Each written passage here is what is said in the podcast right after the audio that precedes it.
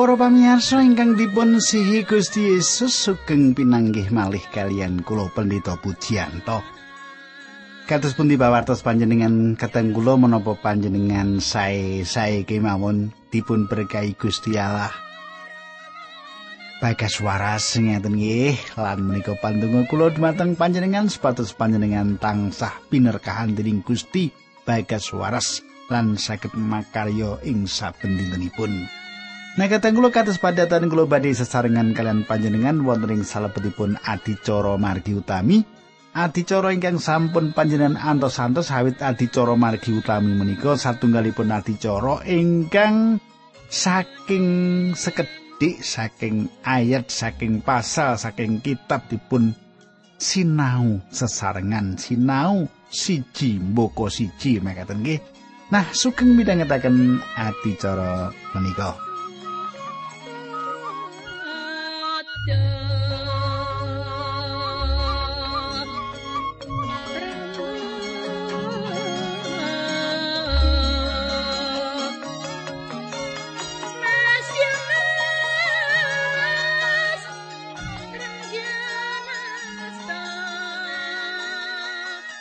Para pamirsa, menapa panjenengan tasih kemutan menapa ingkang kula aturaken kepengker?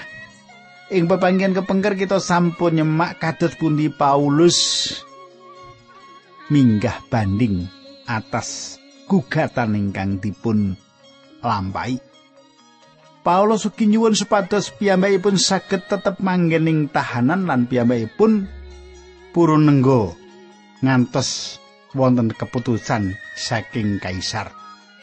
Lajeng kados pundi kelajenganipun? Monggo kita semak saringan nang saderengipun menika monggo kita ndedonga rumiyin.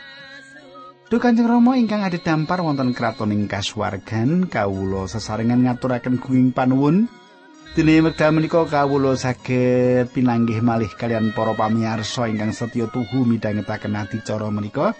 Kawula nyuwun tuntunanipun Gusti supados adicara menika saged dados kaluhuran lan kamulyan paduka.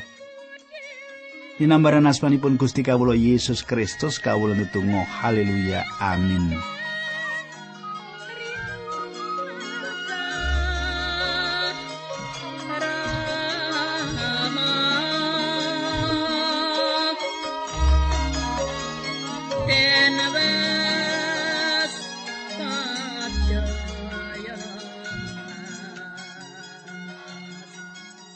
Pamirsa ingkang kula tresnani samenika pasinaon kita sampun ngancik para rasul bab selawi.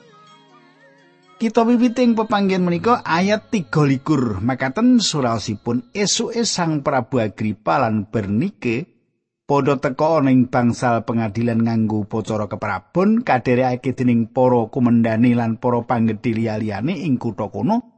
Gubernur Festus dawuh ngirit Rasul Paulus didhawuhi ngadep. Kula punggal semanten rumiyin. Kadang kula satunggalipun tetinggalan ingkang ngedapi-dapi nggih to menawi kita nyemak pangandikanipun Gusti kala wau satunggalipun tetinggalan ingkang ngedapi-dapi kala menapa? Wonten satunggalipun juru khotbah ingkang gadah tiang ingkang mirengaken ingkang langkung ngedapi-dapi kabanding kalian relampan menika. Juru khotbah ngendi sing nalika khotbah di kepung dirungokke dening wong sing kaya Rasul Paulus menika. Kadang kula tetinggalan ingkang saestu ngedapi-dapi kapenuan keagungan lan upacara. Lan Paulus badhe dateng kari tangan ingkang dipun rante ing ngajengipun para panguwas lan para raja menika. Para panguwas lan para raja menika badhe mirengaken Paulus ingkang dipun rante. Festus nyuwun dumateng Raja Agripa mitulungi piyambakipun ing salebetipun ngerancang dakwan, ngerancang gugatan dumateng Paulus ingkang badhe dipun kintunaken dumateng kaisar. Kula lajengaken maos kawula ayat 4 selawe 6 likur nggih. Ing basa pedinan menika. Gubernur Festus nuli ngendika Sang Prabu Agripa tuwin para sederek sedaya ingkang wonten ing mriki Menika tiyangipun ingkang sami dipun gugat dening tiang-tiang Yahudi ing Yerusalem makaten ugi ngriki. Tiang-tiang Yahudi menika sami nguwuh-uwuh supados Paulus menika kapejahan kemawon. Nanging kula mboten manggihaken kalepatan menapa-menapa ingkang pantes kaukum mawi hukuman pejah. Lan sarene piyambakipun piyambak nyuwun perkawisipun kainggahaken dhateng pengadilanipun Kaisar Rom, kula inggih lajeng badhe ngintun piyambakipun dhateng kitha Rom. Nanging kula dereng gadah keterangan ingkang maton ingkang saged kula anggi dasar kintun serat dhateng kaisar. Mila kula samenika mbeta tiyang menika wonten ing ngarsa panjenengan sedaya lan ingkang rumiyin dhateng panjenengan Sang Prabu Agripa supados sasampunipun preksa perkawisipun kersa paring wawasan ingkang saged kula anggi dasar nyerat serat mau. Sebab kula kinten mboten samestinipun kula ngintun tiang tahanan tanpa dipun kanteni gugatan-gugatanipun. kadang kula. Panjenengan katosaken ing mriki Paulus kasunyatanipun ngginakaken wewengan menika nglantaraken khotbah ingkang agung ingkang perlu dipun serat. Kadang kula samenika kita lumebet ing para rasul 6 Kadang kula menapa ingkang dipun seksekaken Paulus menika sampun tentu sanes satunggalipun pambelanipun Paulus atas badan piyambak. Menapa ingkang dipun ngendikaaken satunggalipun pratela ingkang cetha utawi pawartos Injil kanthi tujuan ingkang gamblang nggih menika andadosaken Agripa dados tiang pitados lan ugi tiang sanes dumateng Sang Kristus sing wedha semanten sepindah malih pilih menapa ingkang dipun andharaken Paulus satunggalipun pratela ingkang cetha utawi pratela bab pawartos Injil kanthi tujuan ingkang gamblang nggih menika supados Sang Prabu Agripa dados tiang pitados nanging ugi tiang-tiang sanes pitados dumateng Sang Kristus Lelampan menika satunggalipun lampan ingkang ngidapi-dapi lan pasal menika satunggalipun salah satunggal pakaryan sarta ingkang ageng piyambak. Saya setara kadunya dan setara kasukman. Pasal menika satunggalipun pasal ingkang ngidapi-dapi malah wekdal kula dereng kawilujengaken. Ing wekdal panjenengan ningali tiang-tiang ing sakiwa tengenipun panjenengan sregep main teater. Menapa ingkang wonten ing salebetipun pikiran panjenengan? Temtunipun. Temtunipun panjenengan mangertos sederek ingkang dados paraga ing teater menika. Panjenengan mangertos bilih saben tiang ing satunggalipun wekdal ing gesangipun kepengin dados paraga utawi aktor lan kula gadah pemanggih ingkang kados makaten. Satunggalipun abdi Gusti cariyos bilih ing satunggalipun wekdal ing wekdal abdi Gusti kala nderek kegiatan teater sutradara ngaken supados ngapalaken pasal 6 saking kitab para rasul. Ing wekdal semanten sutradara menika nyukani kitab suci dumateng abdi Gusti kala wau nanging pasal menika dipun cetak ing salebetipun buku sanes Lan abdi Gusti kala wau kedah ngapalaken saking mriku lan pasal menika gadah pengaruh ingkang ngidapi-dapi kangge abdi Gusti kala wau. Samenika nganti ayat siji bab 16 para rasul.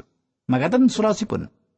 Sang Prabu Agripa ngendika marang Rasul Paulus kowe kena ngaturake panjawabmu. Rasul Paulus tuli menehi sasmita srana tangane nuli matur mangkene.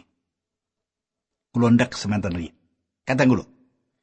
Manut pemanggih kula bilih Rasul Paulus dipun ajengaken wonten ing ngarsanipun Agripa menika sejatosipun satunggalipun puncak peladosan Rasul menika.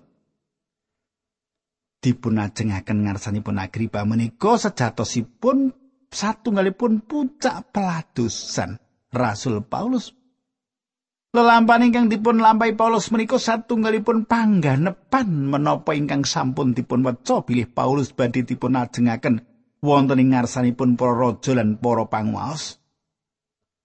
Mboten lepat malih bilih Paulus kedah ngaturaken pasaksi wonten ing ngajengipun Raja Agripa. Kula saderengipun sampun nedahaken bilih perkawis menika gadah pengaruh ingkang saestu lebet dateng kula ing wekdal kula ing satunggaling wekdal kedah ngapalaken pasal 26 para rasul menika. Kula ngakeni bilih wonten pengaruh ing salebetipun putusan kula ing dinten salajengipun saking pasal menika kangge peladosan kula.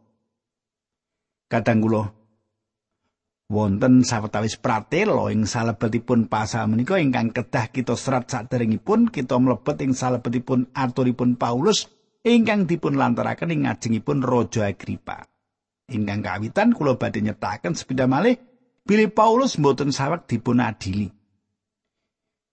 Lampahan menika sanes satunggalipun pengadilan ing mriki Paulus mesti kemawon mboten saweg wonten ing kalenggan bila badanipun piyambak ing ngajengipun Agripa. Paulus malah menawa nggelaraken Injil. Paulus malah nggelaraken Injil. Katang kula, dipun tingali saking kasunyatan beli rasul ageng menika saweg ing salebetipun kalenggan minggah banding dumateng kaisar. Malah Raja Agripa pindah mboten saged paring pahukuman dumateng piyambakipun lan Paulus mboten wonten ing salebetipun panguasipun Gubernur Festus kados ingkang dipun sebataken ing pungkasanipun pasal menika. Lerosipun tiang menika sampun saged keluaran menawi piyambakipun mboten nyuwun supados perkawisipun kainggahaken dhateng Kaisar ing Rom.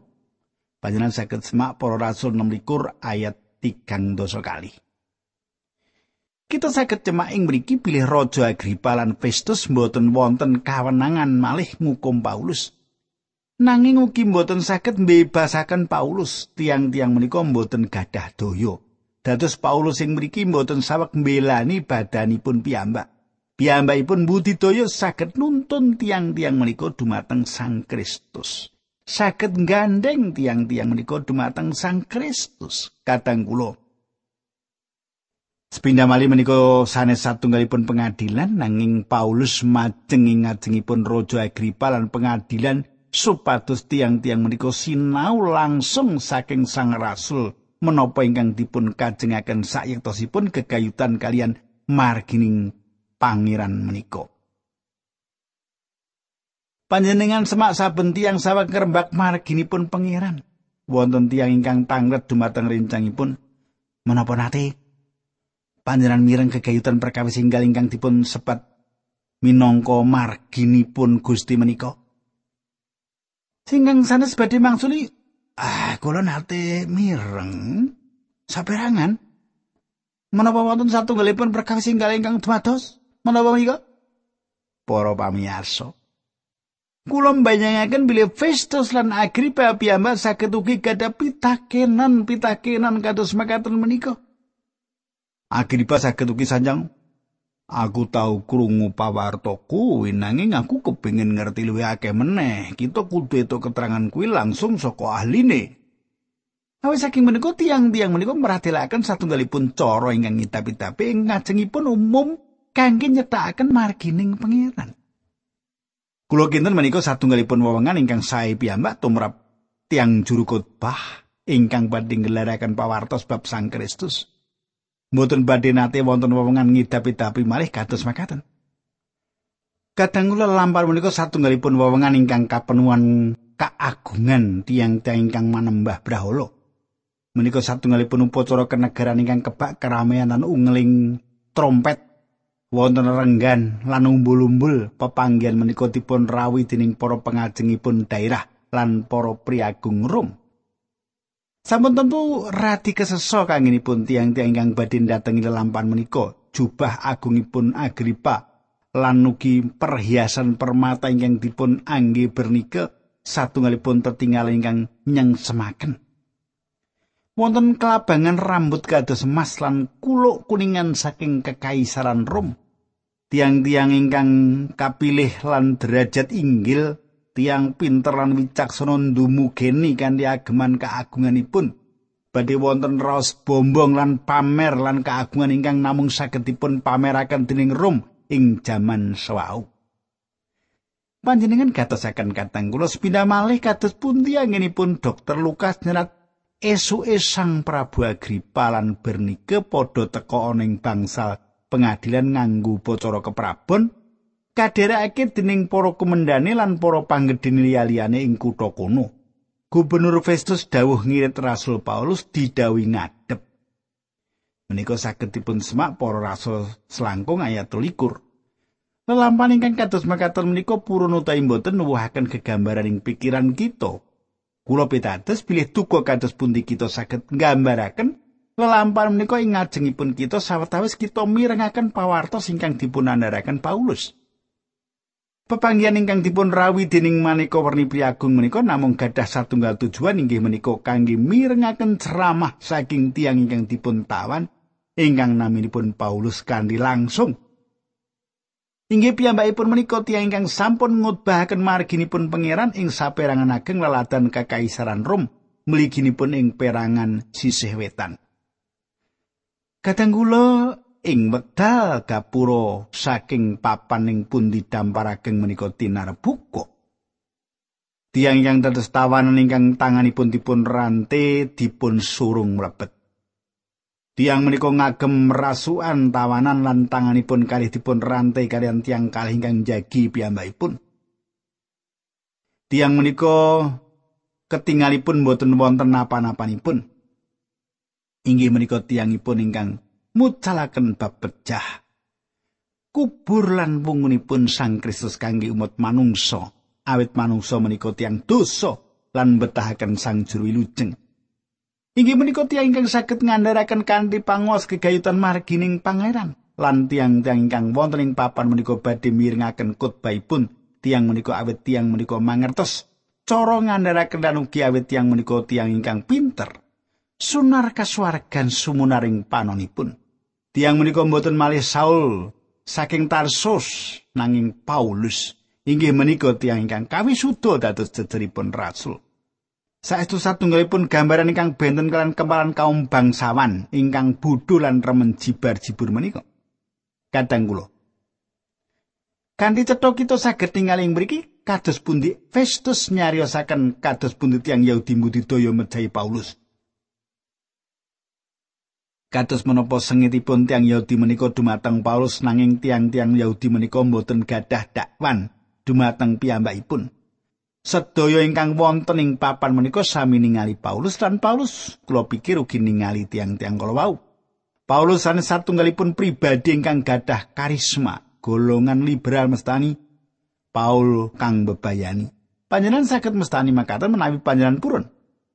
Saged ugi ing kakaisaran Rom inggih Paulus ingkang dipun pikir emut Gusti Yesus nate ngendika menawa kowe padha disengiti dening jaket ngertiyo yen aku wis disengiti luwih dhisik dening jaket panjenengan saged cemak Yohanes kang 11 ayat 18 Tiang menika saestu estu pandheripun Gusti Yesus dados jaket badhe sengit dumateng piyambakipun dumateng Paulus. Kadang kula Terus terang saderengipun kula mboten nginten menawi Paulus menika nampilaken pribadi ingkang ndudut manah. Kita semak kados pundi gesangipun dipun kuasani dening Sang Roh Suci sawetahipun. Kanthi makaten panjenengan lan kula saged sanjang sesarengan kalian Paulus kados ingkang dipun serat ing Galatia kalih ayat kalih dosa. Temah ingkang gesang menika sampun sanes kula malih nanging Sang Kristus ingkang wonten ing kula. Gesang kula ingkang semangke menika mboten sanes namung krana kula pitados dhateng putranipun Allah ingkang ngasihi kula lan ingkang sampun ngorbanaken sugengipun kangge kula. Kadang kula samenika monggo kita nilaraken kahanan ingkang kumerlap lan mewah dumateng tiang kali ingkang ketinggal piyambak ing sidang menika inggih menika Agripa lan Paulus. Kadang kula tiang kalih menika kahananipun saestu lelawanan ingkang satunggal ngagem jubah wungu ingkang indah.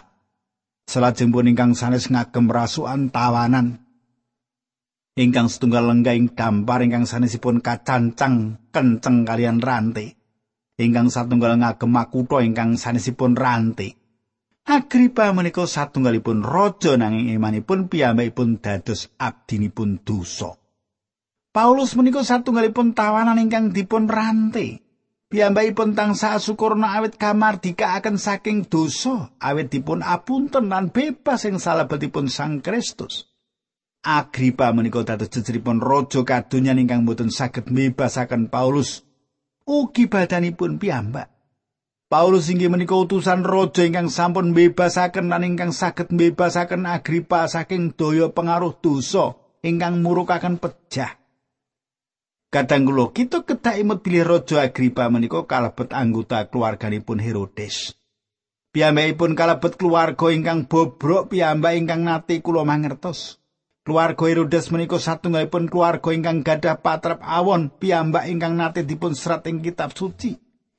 Kulo pikir kegayutan kalian Ahab lan Isabel kados lari sekolah minggu ingkang bandingaken kalian keluarga Herodes. Panjenengan imut carios lami kados pundi iblis keparingan wewengan menapa ingkang kedah dipun bayar. Dados monggo kita nyukani Herodes menapa ingkang kedah dipun bayar piyambakipun. Agripa inggih menika tiyang ingkang pinter lan tiyang ingkang ngidap-idaping salebetipun kathah perkawis sinaosa asal usulipun gegirisi. Piyambakipun mangertos paugeran Musa, Paulus hasukorno ing salebetipun perkawis menika awet kanthi mekaten nyukani wewengan kangge rembagan dumateng tiyang ingkang pinter lan ingkang saged mangertos dakwan gugatan ingkang dipun gugataken dumateng piyambakipun. Katang kula. Kados ingkang kula aturaken saderengipun kula purun utawi mboten pitados pilih Paulus dados mboten patos sabar sadangunipun piyambakipun dipun tahan kalih taun ingkang kedah dipun lampahi. Piyambakipun nate ngadeg wonten ing ngajengipun tiyang kathah ing Yerusalem ing ngajengipun komandan prajurit salajengipun ing ngajengipun Felix ing ngajengipun umum salajengipun cara pribadi makaping-kaping salajengipun piyambakipun wonten ing ngajengipun Festus. Samenika kedah ngadeg wonten ing ngajengipun Agripa. Mboten wonten tiyang satunggal kemawon Saking tiang-tiang menika ingkang mangertos sawetahipun asal usulipun gugatan ingkang dipun alamataken dumateng piyambakipun menika. Tiang-tiang menika ugi mboten mangertos Injil, perkawis menika leres sinadan dumateng komandan prajurit ing Yerusalem. Saestu menakan pilih tiang-tiang menika saged kesang ing daerah menika, abenajeng kalian tiang Kristen sampun mirengaken khotbahipun Rasul Paulus lan tasih dereng paham nanging nggih kados mangkaten menika kahananipun. Kadang kula panyuwunipun Paulus dumateng Agripa supados mertobat dumateng Sang Kristus saestu perkawis ingkang ngidapi-dapi. Perkawis menika satunggalipun perkawis ingkang mlebet ing nalar lan lantiping pikir, mboten satunggalipun bela badan piyambak. Perkawis menika paran satunggalipun patrap nggelaraken Injil. Paulus mboten bela badanipun piyambak. nanging malah satunggalipun patrap nggelaraken Injil. Cupi panjenengan semak bab 16 ayat kalihan 3 ingkang minulya Sang Prabu Agripa. Kawula rumaos bejo dipun parengaken ngaturaken panjawab tumrap sedaya pandhawanipun tiang Yahudi wonten ing ngarsanipun Sang Prabu. Langkung-langkung margi kula mangertos bilih Sang Prabu menika paham sanget dhateng adat tata caranipun bangsa Yahudi. Awis saking menika Kawula nyuwun kanthi sanget kersawa Sang Prabu midhangetaken atur kawula kalayan sabar. Para pamirsa. Paulus samenika saweg rembagan kalian tiyang ingkang paham menapa ingkang saweg dipun rembak. Agripa menika tiyang ingkang lantip pikiranipun piyambakipun mangertos paugeranipun Musa lan piyambakipun paham gambaran ingkang dipun jumbuhaken kalian tiang Yahudi. Paulus saestu itu bingah pikantuk wewengan rembagan kalian tiang ingkang pinter kados makaten menika ingkang paham kahanan gegayutan kalian pandakwa ingkang dipun tampeni. Paulus ugi mangertos paugeran Musa sae nanging Paulus sampun kebanggih kalian Sang Kristus. Samenika paugeran Torat gadah satunggalipun makna inggal kangge piyambakipun. Jiwanipun Paulus dipun banjiri kalian satunggalipun pepadang inggal. Samenika piyambakipun ningali Gusti Yesus minangka tujuan saking paugeran kaiktosan. Samenika piyambakipun mangertos bilih Gusti Allah sampun nyawisaken menapa ingkang sampun dipun tuntun dening panjenenganipun. Piyambakipun mangertos bilih Gusti Allah menika sae lan bilih lumantar Sang Kristus. Gusti Allah mbuktekaken kamirahan manahipun. Paulus gadah kekajengan Raja Agripa mangertos perkawis menika. Wonten satunggalipun katresnan ingkang murni ngebaki jiwanipun ing wekdal piyambakipun sanjang. Aku pikir iki sawijining pakaryan agung. Kula pikir menika satunggalipun pakaryan agung pawartosipun ing gumuk Mars ngidapi-dapi. Nanging boten saged kabandingaken kalian pawartos menika. Sinaosa saged ugi wonten atusan tiang andugene ing mriku mirengaken pawartosipun Paulus sakleresipun namung rerembagan kalian satunggal tiang nggih menika Raja Agripa. Paulus mbudidaya ngending tiang menika dumateng Sang Kristus. Paulus miwiti kanthi pambuka ingkang saestu sopan sanjang dumateng Agripa kados menapa piyambakipun bingah ing wewengan menika. Salajengipun piyambakipun lajengaken kanthi nyukani satunggalipun cariyos kegayutan jaman enemipun lan ugi asal usulipun. Salajengipun piyambakipun nyariosaken kekayutan pamratobatipun, tundhonipun piyambakipun budidaya kados pundi gending tiang menika kunjuk Sang Kristus. Kadang kula salajengipun kados pundi? Kita badhe nyemak ayat-ayat salajengipun saking kitab Para Rasul menika. Nanging mesti mawon boten samenika, nggih.